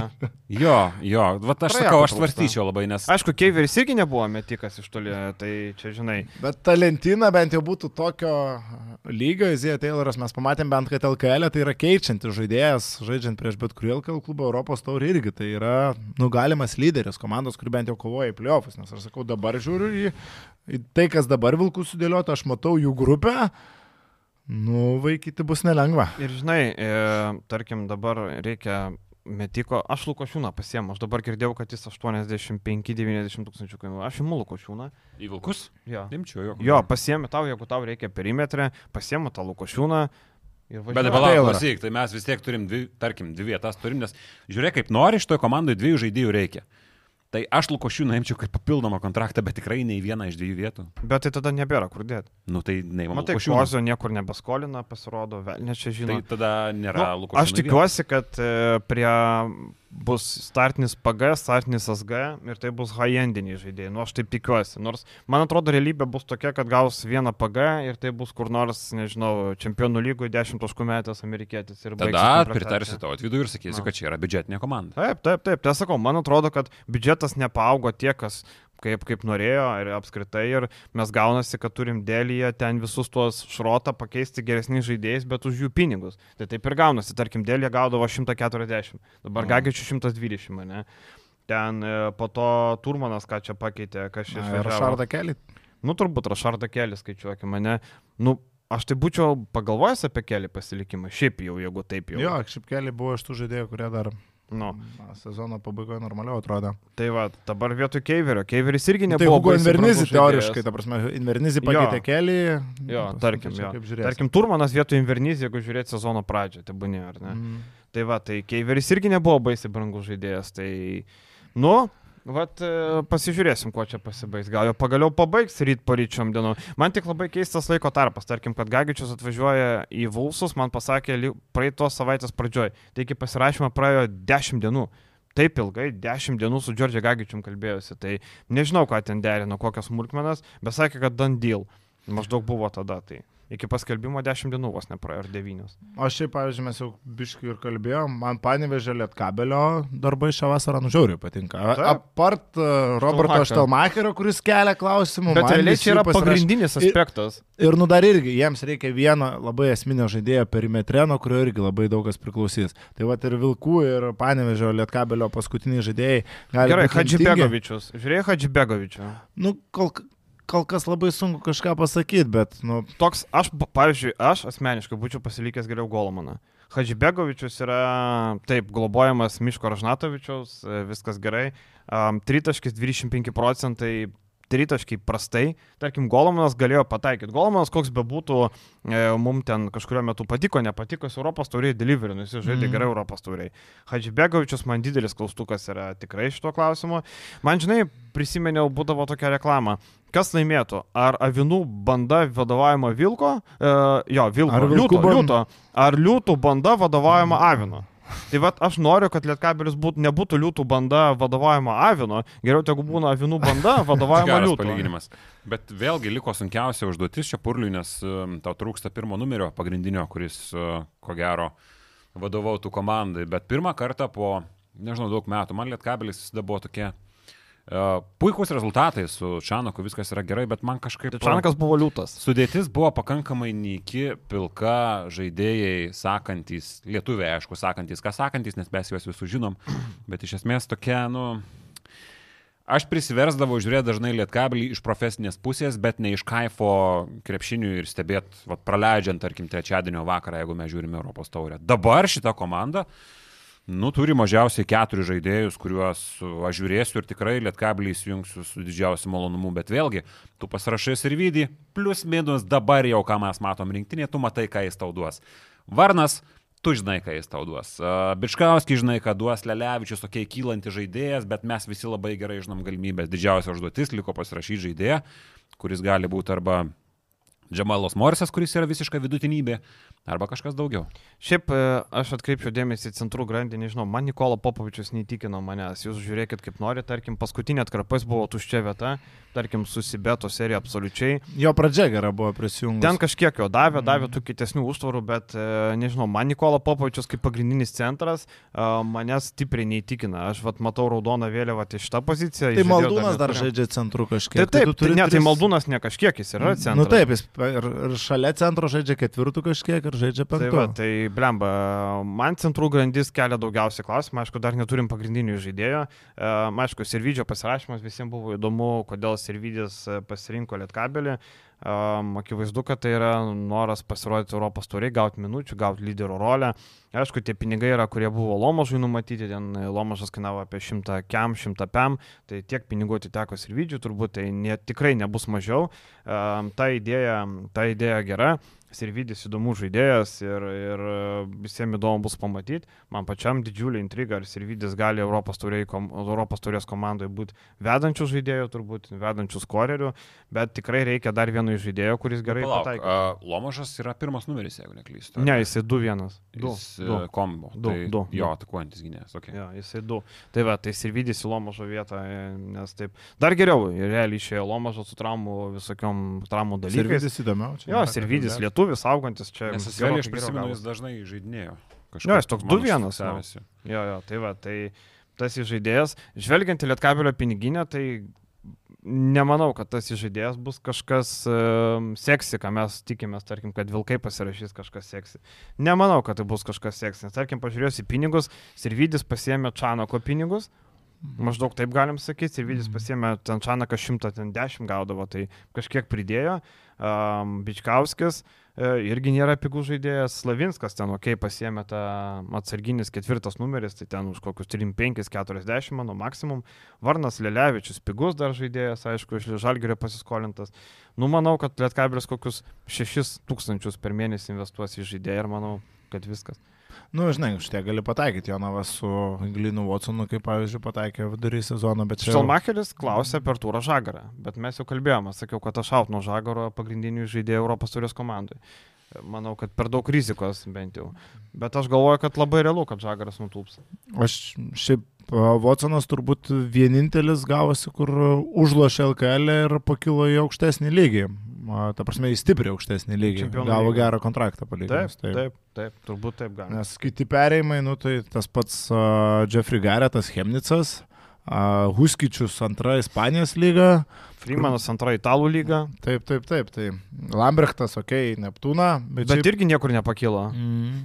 Lieka be Europinio turnyro, be nieko. Tai uh, šiaip žiūrint LKL, kokie dideli kontrastai. Nevėžys ir mažai jau sportuoja, tuo metu Virginijus Šeškus e, trys žaidėjus turi. E, tai man sunkiai suprantama. Man, man iš esmės Sibeta visi gyrė, čia gerai žaidžia, čia Virgis viskas, bet man nepatinka pas organizacijos darbas. Aš galvoju, kur šaknis, bet vakar pamačiau, kur šaknis. Kestas Rimkos paskelbė, kad Virginijus Įvydis išvažiavo į Zelionos kūros komandą. Tai Virginijus. Jis neparašė vyr trenerių ar asistentų? Asistentų. Asistentų? Jo, jo, asistentų. asistentų. Tai va, tai Virginijus Sirvidis buvo, sakau, man dvi vasaras išėlės žmonės sakydavo agentai, kad Sirvidis būdavo pagrindinis žmogus, su kuriuo, kuris ieškodavo žaidėjų, su kuriuo ten kalbėdavo viskas. Vaidas Vaškevičius kažkiek e, traukdavo rankiniu, Sirvidis bandydavo stumti iš galo mašiną su rankiniu. Tai vad maždaug tokia situacija buvo. Dabar Virgio nebeliko, Sirvidžio, tai matom, kad situacija yra tokia, kokia yra. Turi trys žaidėjus į betas Kokią atranką, kam jie, kam jie tą čempionų lygos iš vis atranką ėjo, kokio velnio. Nu, važiuosi apsijuoksi ten. Tau komanda surinkė. Griežtai tu čia. Nu, bet taip yra. Pažiūrėk, Jonava metai iš metų pernai prieš bulgarus gavo į vieną kasą. Mm. Ne Dar- prieš dar bulgarus. Jonavoj Prieš rumūnus, prieš Mm. rumūnus, atsiprašau, Vulsą prieš bulgarus. Dabar gavo. prieš Strasbūrą jam dar žaisti. ten. Taip, nu tai apie ką. Ką, nu, ko tu gali tikėtis, kai tu uh, rūpiučio vidurinį ne tik, kad, uh, ne tik, kad nesi pradėjęs susirinkti kažkur treniruotis, tu nesi net, tu neturi komandos. Tu neturi realiai. trys žaidėjai. Tai ir lietuvių tų daug nėra, ant ką Gecevičių pasims panašu, kiek eina kalbos. Žinai, ką pasims, Edvinas Šeško tikrai pasims. Edvinas Šeškos bando tyzinti Instagram'e, kad čia netrukus sužinosi, kur pasirašysiu, bet jeigu dabar reiktų dėti Oliną stumuvą į stalo galą, kad, kad pas, Gal pas, Alina nestumčia, bet stumčiau, stumčiau Oliną, tikrai stumčiau. Nežinau, nu, man, River, Riveris gali nepakryžina. taip, yra ten tų variantų, aš girdėjau, kad ten siūlė e, komanda iš, Prancūzi, iš Prancūzijos, iš Graikų rodo liktai, ar kažkurį Mm. ten iš tų komandų, bet pinigų per mažai. Nu, Solidus klubas. Solidus, jo, ten e, pinigų per mažai, tu pas tėvą gali uždirbti daugiau. Bet šiaip nėra, kad apskritai LKL va šįmet labai stipriai nukentėjo dėl to 12 komandų modelio. Ta prasme, aš šiandien... Gal dėl pinigų trūkumo? Ir, ir dėl pinigų trūkumo, ir dėl 12. Aš šiandien nemetu akmenų į klubų daržą, bet nugaunasi situacija, kad daug jaunų lietuvių išvyksta į NCAA, geresnių lietuvių mes neįperkam ir tada ga, turim situaciją, kad nu, krūva legionierių, kurie yra nieko nesakantis. Ten pasižiūri nevėžio sudėti. Nevėžės pernai, okei, okay, sužaidė gerą sezoną, bet tai nereiškia, kad šiemet taip savaiks aišku. Aš tikėjimą šitą komandą turiu vien dėl Jono Mačiulio, bet kai tavo vienintelis geras lietuvis yra Ignas Vaitkus LKL lygio, nu, Čia yra skaudi realybė. Mm. Tai o ko tu Ir nori? čia ne nevėžio problema, čia yra tiesiog tokia situacija. Taip, nu tai ką tu nori, žinai, realiai pasižiūrė, aš e, nevėžęs e, pasirašė rūkius po 2-3 tūkstančius eurų per mėnesį, visi kiti lietuviai yra už maisto davinį, skirus vaikų, visi kiti lietuviai yra, nublemba, nu ko tu tikėsi, ar tu tikėsi, kad Mačijauskas keturis taškus metęs ant kelio kažkokį skirtumą Tai darys? garždai tada karariną pasim. Ar čia Nu. yra LKL palangos kuršiuose? Aš tai matau 8-7 kitą dalyką, tu sakai, kad tų lietuvių, jo logiška, nes e, lietuvių nėra daug, tas e, baseinas yra mažas. Ir tie klubai išgraipsto ir galiausiai tokiam pasvaliam nevėžiam galbūt nieko ir nelieka. Aš matau dar, jeigu galima matyti šitoj situacijoje kažką gero, aš matau, kad nu, tie žaidėjai, kurie yra kuklesnių galimybių galbūt, arba bent jau taip kažkada atrodė, jie turi galimybę žaisti kaip ne kaip LKL ir kažkiek tai tobulėti stieptis. Mes dabar turim pavyzdį, kaip iškilo Oskaras Pleikys. Iš bėdos iškilo, prisiminkim. Iškilo Danielius Lavrinovičius, vėlgi, nu, komandoje, kuri, nu, turi kažkokius lietuvius turėti. Lavrinovičius niekada neturėjo, ko gero, etiketės kaip žaidėjo, kuris yra kažkokia perspektyva, dabar jisai žalgyrį. Tada Jo, mes galim kitus žaidėjus paimti, tarkim, gerai, didelės perspektyvos jau galbūt ir nebeliko, bet Martinas Arlauskas gali žaisti LKL. -ę. Stenionės gali žaisti LKL, -ę, kad tu sakei praeitą kartą, kad nebus iš jo žaidėjo, bet jie gali žaisti LKL ir jie turėtų patirties. Tai čia yra tiesiog pavyzdžiai, kad Jeigu Nu, studentų nu, rinktinėje tu esi 12 žaidėjas, tai... Nu, bet po traumos šiaip stenionės atsiminkim, Po traumos, čempionatą tai turėjo. pavyzdys, čia yra, Stenionis, čia yra tik tai pavyzdys, kad, okei, okay, lygis galbūt smunka, bet mes tuos lietuvius tada vis tiek pritempėm kažkaip iki LKL, nes jų vis tiek reikia. Dėl lietuvių aš sutinku, kad kaip ir pliusas, nes, va, kaip ir pasakėjai, labai gerai plei- pleikio pavyzdys, Lavrinovičiaus pavyzdys. Man tas legionierių, tu žinai, tu žiūrėsi dabar į tam, tam tikras komandas, kur žais legionieriai Bosnijos ir Makedonijos lygos. Tai ir paskui LKL reikia konkuruoti televizijoje su ACB lyga, su FIBA čempionų lyga, su Europos taurės ir nu tas Su kontrastas X Factorius projektu. su X Factoriaus to pačiu projektu. Tai, nu, tokia Aš realybė. renkuosi X Factorių. Ne, šiaip... šįmet, ne. atrodo. E, talentai. Talentai bus. Jo. Ne, tai šiaip tiesiog e, aš, aš kai gykas esu LKL, tai aš aišku visą laiką Aš žiūriu žiūrėsiu, gar, garždus prieš... e, Bet man garždai yra naujieji prienai, aš jau krikštiju garždus naujaisiais prienais, manau, kad vis tiek ambasket visai kitaip, man garždai yra naujieji prienai, nevėžės yra tas pats nevėžės, su savo, nežinau, man garždų žaidėjo pasirinkimas ir, e, nu, tokia piniginė, akivaizdu, man atrodo, kad vėl yra problema, matom, vėl skolų yra, likviduos, nelikviduos, man kai, kai kurie klubo vadovai piktinasi, kad LKL stoguoja garždus, nes e, ten yra Milašiaus e, kažkokia ten tėvonija ar kas ten yra, nežinau, bet ne LKL labai žodis garždus. tėvonyje.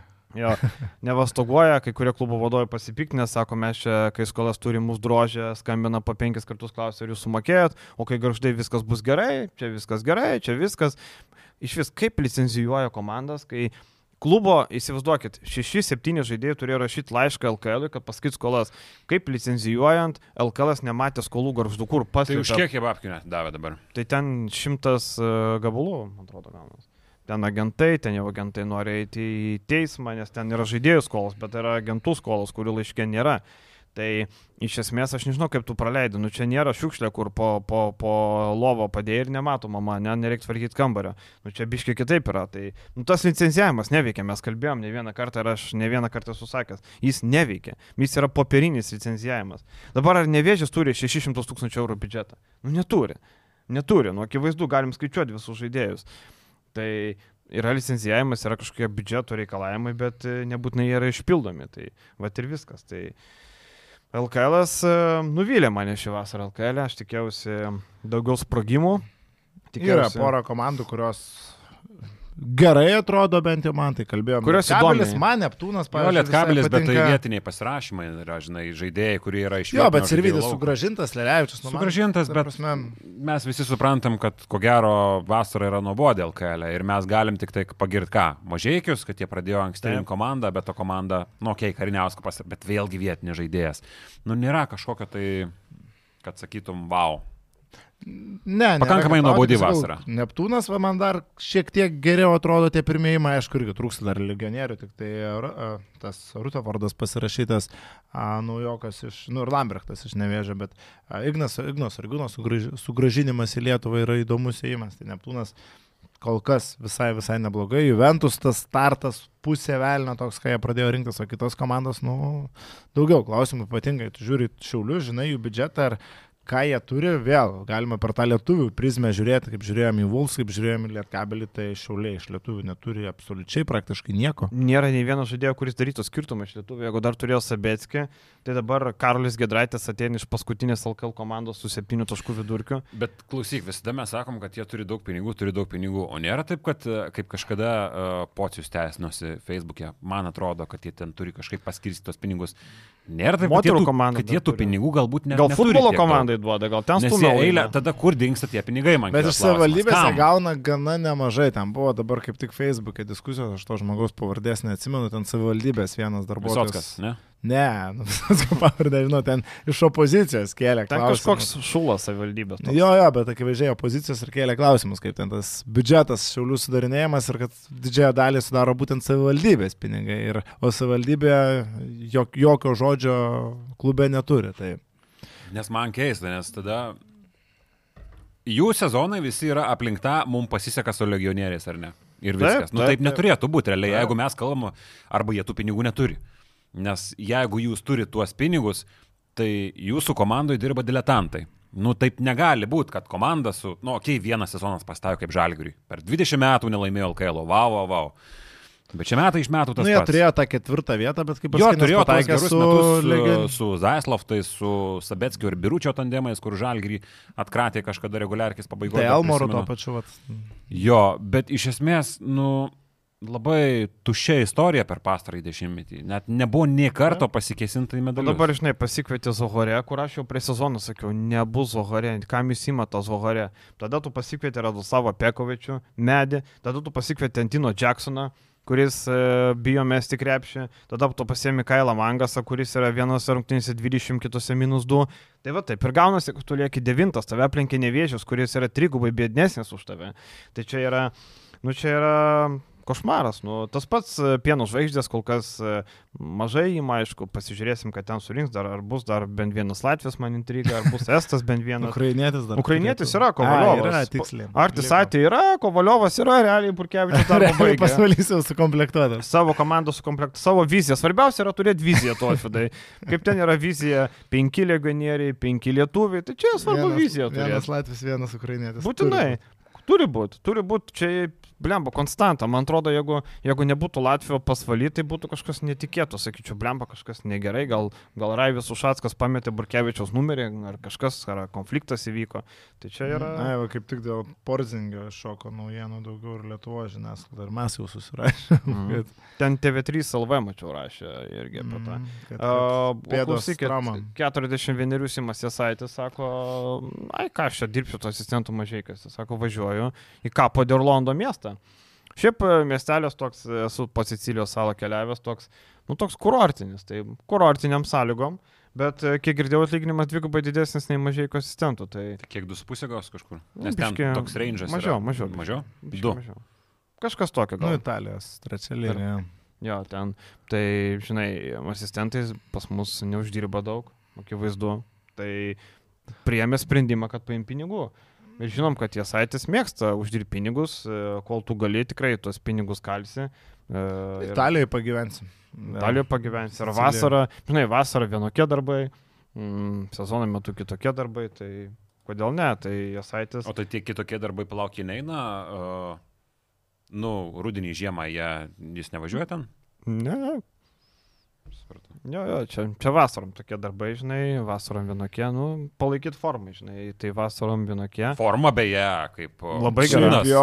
O, vaikeli. Kiek jie metų? 40 Vieneri. Mes labai kalbėjom apie Macijauską ten kažkada, kad užsportavęs, bet jos aitis vaikelį. Blemba, jo, ši formytė super, super kleiza, tarp kitko irgi dabar čia nuotrauko buvo, nu blemba irgi vėl sugrįžęs į savo, nu, Tai nepikinę ten formą, žmona bet- labai sveikai maitinasi. Bet, jis gerai. buvo gerai patukęs jau klėjęs. Bet dab- žmona sutvarkė. O jeigu prieš kai keliarius metus kalbėjom, kad čia Jarutis užsilaikęs vyras gražiai atrodantis, tai dabar jau eina. Eirutis Jau, pavėsi dabar. jau. jau dabar Tai eina palauk. tavo kolegai į pavėsį. Tai bet palauk, Jarutis vyresnis ir užkleisa. Tai taip, bet vis tiek, ta prasme, toj hierarchijoje, žinai, gražių vyrų jau O Jarutis- į priekį. Nu, taip, taip. Ja, pačia tiksliau. E, Ką mes dar sakėm, pakalbėsim, ką mes čia dabar kalbėjom. Eurolygoje nieko gero nevyksta. Berlyno Alba, e, mačiau šaiposi Twitterį iš Berlyno Albos, kad e, taip puikiai dirba, kad pirmasis pirkinys e, Jesnes Binas ir toliau skilė. Nu, ten pratęsė kelis žaidėjus, vakar nusipirko Spanolo, nieko ypatingo. Tai vad Eurolygoje tokia tyli, tik tai vad Niko Kalateso, vad įdomus likimas, nes nusipirko Raulineto Fenerbakčią. Ir čia vėl atsisukam, žinai, Šaras, Lochas čia iš grūdo, kalatės, o žiūrėkit, koks geras žaidėjas. Įtūdis pasiemė kalą, o čia labai geras ir po sezono sako, ne, blemba, negaliu Reikia kentėti. Ne, negaliu kentėti. Nu, kur jau Graikijos rinktinės treneris pats pasikvietęs, pats sako, ne, broli, žinok, ne, ne, ne, važiuok iš čia. Tai matom, kad e, Kalatėsas ten varydamas ant šaro, kad nereikia mokyti žaisti krepšinio, nu, nieko gero iš to neišlošia, nes matom, kad gal reikia pamokyti žaisti krepšinį, bent jau kaip mesti iš toli reikia pamokyti. Sezono pradžioje neblogai hitino, to žiūriu, kiek e, baigėsi 33,6. Tai Bet kad Kalačio buvo aiškos problemos, dar atsimintos Ispanijos lygos finalo su Madridu.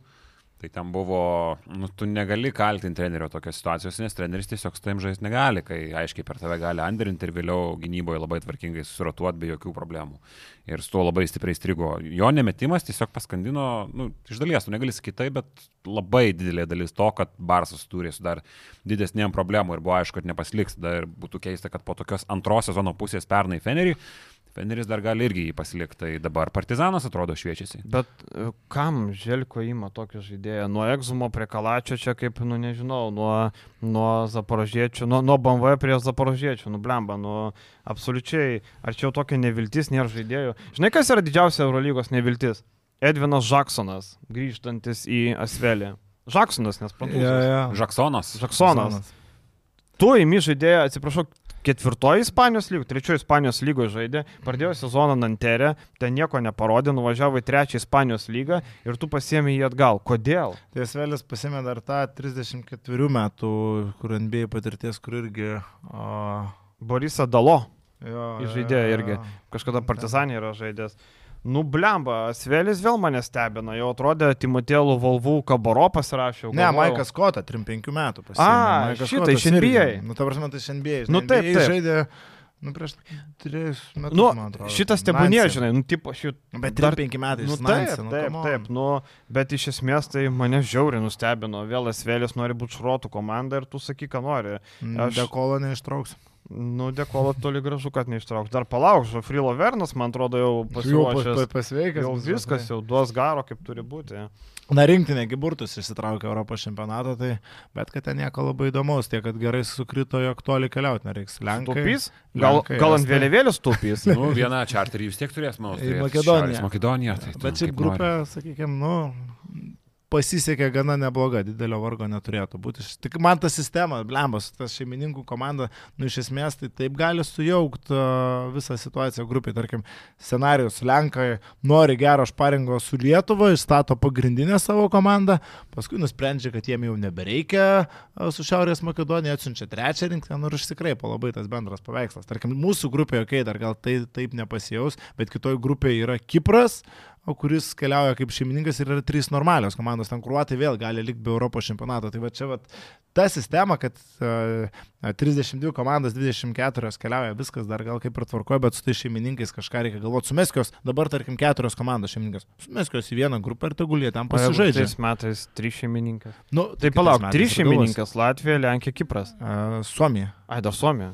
Labai neįdomus uh, turistinė uh, darbo prasme turėtų būti čempionatas, nes mm. labai neįdomus. Jeigu Tai, Kiprą Latvija arba Lenkai mus tikrai pasirinks. Mes negausim Kipro. Nu, Mus pasiims Latvija arba. Lenkai iš uh, Ne. komercinės pusės, kad atvažiuotų. Ne, tai gali. lietuvių. Bet palauk, o nebuvo, kad e, kai Čiampas vyko Latvijai, Latvijai Estus paėmė? Ar Estai per burtus, ar mes per burtus? Ne, tai Latvijai vienintelį kartą, kai organizavo dabar per pastarį dešimtmetį, mes žaidėm pas Latvijos Taip, 2015 Bet ar jie mus pasirinko, ar per burtus atėjom? Nes ir Estai buvo kartu toj grupiai Rygoje. Bet Nepasakysiu neatsimenu, dabar bet bet kaip Vėl nežinau, nežinau. Tai va įdomu, žinai. Nes jeigu estus, tai gal estai net neišės, nes mūsų grupė sėdė, tai tada vis tiek nepasirink, žinai, kaip bebūtų. Um, dar viena įdomi naujiena buvo, kad Reikia Rubijo nusprendė stabdyti karjerą uh, dėl um, psichologinių problemų, turbūt galim taip sakyti. Nežinau, tas stabdo karjerą, tas karjerą 32 jau. Um, aišku, dar sočiai gali žaisti, bet ir traumų kamuojamas tas e, sugrįžimas. E, Kažkas siejo, kad čia bu- buvo kaip su Alejandro Brinėsu, kurį jau buvo vienu metu e, norėjęs baigti karjerą, bet matom, atvažiavo Barcelona ir sėkmingai žaidžia, jis įsprendė, aišku, gerokai jaunesnis Abrinėsas, kai, kai norėjo tai daryti. Ką Jūs galvojate apie šitą va, tokį Rubio įimą? Kad jeigu neklystu, prieš ketverius metus mirė jo mama ir nuo tada Mhm. jis turėjo didelių šiaip jo psichologinių bėdų ir tos psichologinės bėdos jis davė supras, kad taip ir nedingo niekur. Vėliau prisidėjo, kad nu, labai didelis mainų skaičius. Traumos. Jis visada traumos jau dar paskui eina. Bet jis visada akcentavo, kad jis nori atrasti tą savo ilgametę vietą NBA, bet jis jos taip niekaip ir nerado. Jis kažkada netgi buvo užsiminęs, kad, uh, okay, buvo mainai į Kevs. Ir jeigu dar kartą panaši situacija, aš jau labai rimtai pradėsiu mąstyti apie Europą, nes tiesiog nusibodo sėdėti ant lagaminų, ant tašių ir vis kažkur skraidyti. Tu net nežinai kartais, kur tu skrisi, jeigu ten kokie trišaliai mainai ir dar kažkas. Tai žaidėjai viskas susidėjo ir kažkaip nėra, kad labai nustebino, nes tu žinai tas visas problemas. Jo, buvo pasaulio čempiono titulas 19 metais, bet tai net ne visiškai krepšinio problemos, aš taip įsivaizduoju, buvo ir tiesiog, nu, tiesiog viskas susidėjo, bent jau iš to, kas rašytas spaudoje per ilgą laiką.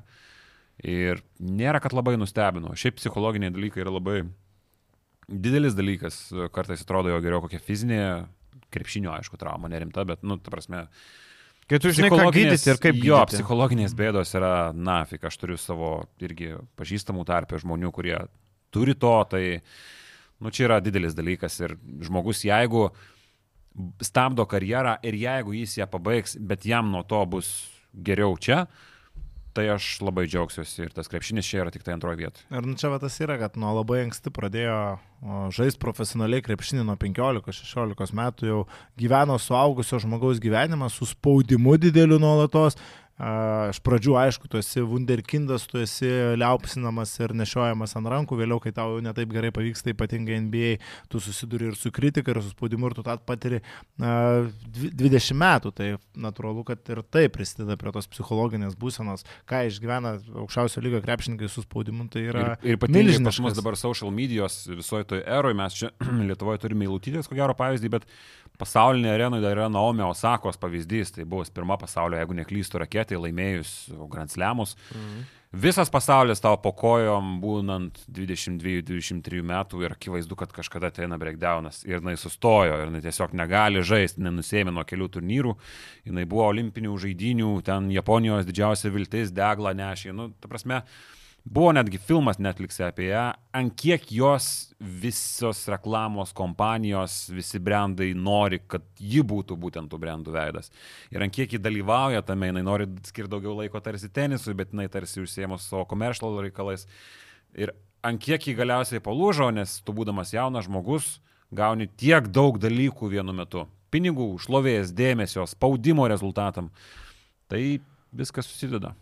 Žinai, šitoje situacijoje iš vis anksčiau būdavo, jeigu žmogus pasako, jam yra problemų kažkokių psichologinių, o šitas daunas debilas čia jisai. Dabar tai tapo normalu ir tai gerai, kad žmonės nebijo pasakytų dalykų. Nes tarkim, e, anksčiau, man atrodo, būtų taip, kad Rubio, ai, dabar stabdau karjerą, nes dėl asmeninių priežasčių ir jūs galvokit, ką norit. Dabar aiškiai yra pasakoma, kokios yra priežastys ir tai nėra, nu, nebėra gėda pasakyti tokio dalyko. Anksčiau būdavo, oi, čia, čia gėda, čia blogai, čia, oi, čia toks. Tai vad gerai, kad visuomenė eina į tą pusę, nežinau, pas mus, kaip, čia, kaip pas mus priemė, nemačiau komentarų, ką žmonės nu, tai, galvoja. Žinai, aš šitą temą labai komentarų neskaičiau. Ulanovas bet... dabar mes atėję garsiai iki tos stadijos, kad Ulanovas jau garsiai apie tai. Jeigu anksčiau, kaip tu sakai, ne, mhm. negalėjo kalbėti žmonės, taip. dabar Ulanovas nu, pasako, taip, nu, man padeda, dabar sporto psichologų su religinės organizacijos ir su jais dirba, tai yra viskas. Gerai. Jo, anksčiau atrodė, kad čia, žinai, kad čia sportininkas tai robotas, jisai negali turėti jokių problemų, par ten kojos traumos arba rankos traumos, galvos negali būti. Na tai ir Žalgiris, tarkim, su savo dubleriais jau yra pradėjęs dirbti, būdavo ten, mačiau, surašę ar straipsnius, kad vyksta paskaitos psichologų, sporto specialistų, nesivizduok, tarkim, to 18-19 metų Žalgirį patenkė žaisti, kad yra ant suolo pasidėtų, iš karto tampi žvaigždė, tai kalnėtis apie tai yra daug kalbėjęs, kad, nu, susirgt žvaigždžių lyga, čia aišku, kitokio tipo psichologiniai dalykai, nu, tai yra va taip, jeigu to 18 metų patenkė ar 19 pasėdėt ant Žalgirio bent solelio. Ar tai irgi kerta labai stipriai per karjerą, aš dėjau. O šiaip kalbant apie Rubio iš jau kitos pusės, iš krepšinio nu ispanam, tai realiai duris, sakyčiau, šitam čempionate, nes dabar, jeigu pernėje dar turėjo Lorenzo Brauną, kuris patraukė perimetrę, dabar žiūrint į perimetro grandį, nu, labai, labai, labai didelės problemos atsiveria. Su Rubio šito komanda tikrai būtų galėjus kovoti ir su tais pačiais prancūzais, ir su tais pačiais kanadiečiais. Jau čia kalbant apie kitą etapą dabar, nu, jie underdogai šitoje situacijoje bus. Šiaip e, man patiko, mačiau, kaip Santi Aldama debutavo Ispanijos rinktinė, manau, labai geras pastiprinimas, kaip bebūtų Memphis Grizzly žaidėjas, ne šiaip koks nors ten, žinai, paimtas iš kažkur, šiaip Aldama mane tikrai, vienas ir kitą savaitę pakalbėsim iš intriguojančių faktorių, tai Santi mhm. Aldama yra mano player to watch, manau, kad jisai gali sužibėti šitam čempionate. Um, jo, gynėjau grandį Nuniezas vargu. Julius, trauks Julius. Oi, blemba, nemušgulinčio. Tai palauk, o daugiau nėra kam. Tai... Nuniezas, Jaime Fernandesas. Nu, bet Jaime toks nu, atakuojantis gynėjas. Briselą. Tai irgi. lieka gynybos specialistas vienas. Diezas. Taip. Daugiau Šiaip dar vieną labai įdomų aukštaugį turi NBA prospektą Adajų Marą, kur... Net dabar jo nėra. Jis dar dirbo praėjusią savaitę Ispanijos rinktinės stovykloje, aš nežinau, jo tikrai nėra. Nes sąrašuose jo net nebuvo. Ok, bet jis jaunimo rinktinėse be abejo, tai jisai yra NBA prospektas ir jisai toks žaidėjas, kuris žaidė Saragosoje vieną sezoną ir jis turi ilgametį kontraktą ir galiausiai pamojavo Žaumai Ponsarnavo viduriniu pirštu, aš varau, manim čia domisi ir jisai nustraukė, dabar bando kontraktą. Ar jau nustraukė, nežinau, bet šiaip žaidėjas labai įdomus, nes e, labai aukštas, labai ilgos galūnės, e, pakankamai judrus, mobilus, e, turi pausto judesių, metą iš toli, šiaip labai įdomus centras auga Ispanijoje. Ir man atrodo, kad jis dirbo toj rinktinė, aš nežinau, ar jis... Ar Gali būti, kad dirbo, bet... O gal ir nėra, aš nežinau, bet vat, prisimenu, nes dabar mačiau, prisiminiau jį, nes dabar mačiau vieną video iš rinktinės stovyklos, tai lyg ir jis ten buvo. Tai ką, viskas šiandien, ne? Kitą savaitę pakalbėsim spėjimus, sudėliosim, pažiūrėsim, kas iš mūsų protingiausias, kas geriausiai spės, o kam nepasiseks atspėti ir viskas. Ir šiandien tiek. Menedžerį žaisit. Be abejo, Vilius čia Vilius. Oi, Vilius, pamiršk, pamiršk, pamiršk. Nemužgulinti. Bet lemba, Europos čempionų žaidėjai pernai. Ten Kiek jis ten žaidė? Kiek aš ten žaidžiau? Du turus? O du turus. Du turus. Tai du jau. Jau daugiau, dvigubai daugiau nei Eurolygos. Ne, nereikia. dvigubai daugiau nereikia. ne, galite registruotis menedžerį, žmonės uh, pilnėja greitai, pakursim lygą ir pažaisim, pažiūrėsim. Uh, pasaulio čempionai visai įdomu, ieškoti perliukų, kas gali užlošti ten. Mačiau, Naujosios Zelandijos rinkinį yra už patrauklę kainą poro žaidėjų. Na, šiame atkeisiu taktiką, sakiau. Kokią taktiką? Aš pirksiu septynis žaidėjus ir brangius, praeitam čempionui būtų paėję. 7-8, pasirinkite ant 12, nereikia, žaisiu Lietuvos krepšinį. nu gerai, pažiūrėsim, e, kokia taktika bus geresnė. Gerai, viskas, ačiū visiems. Iki.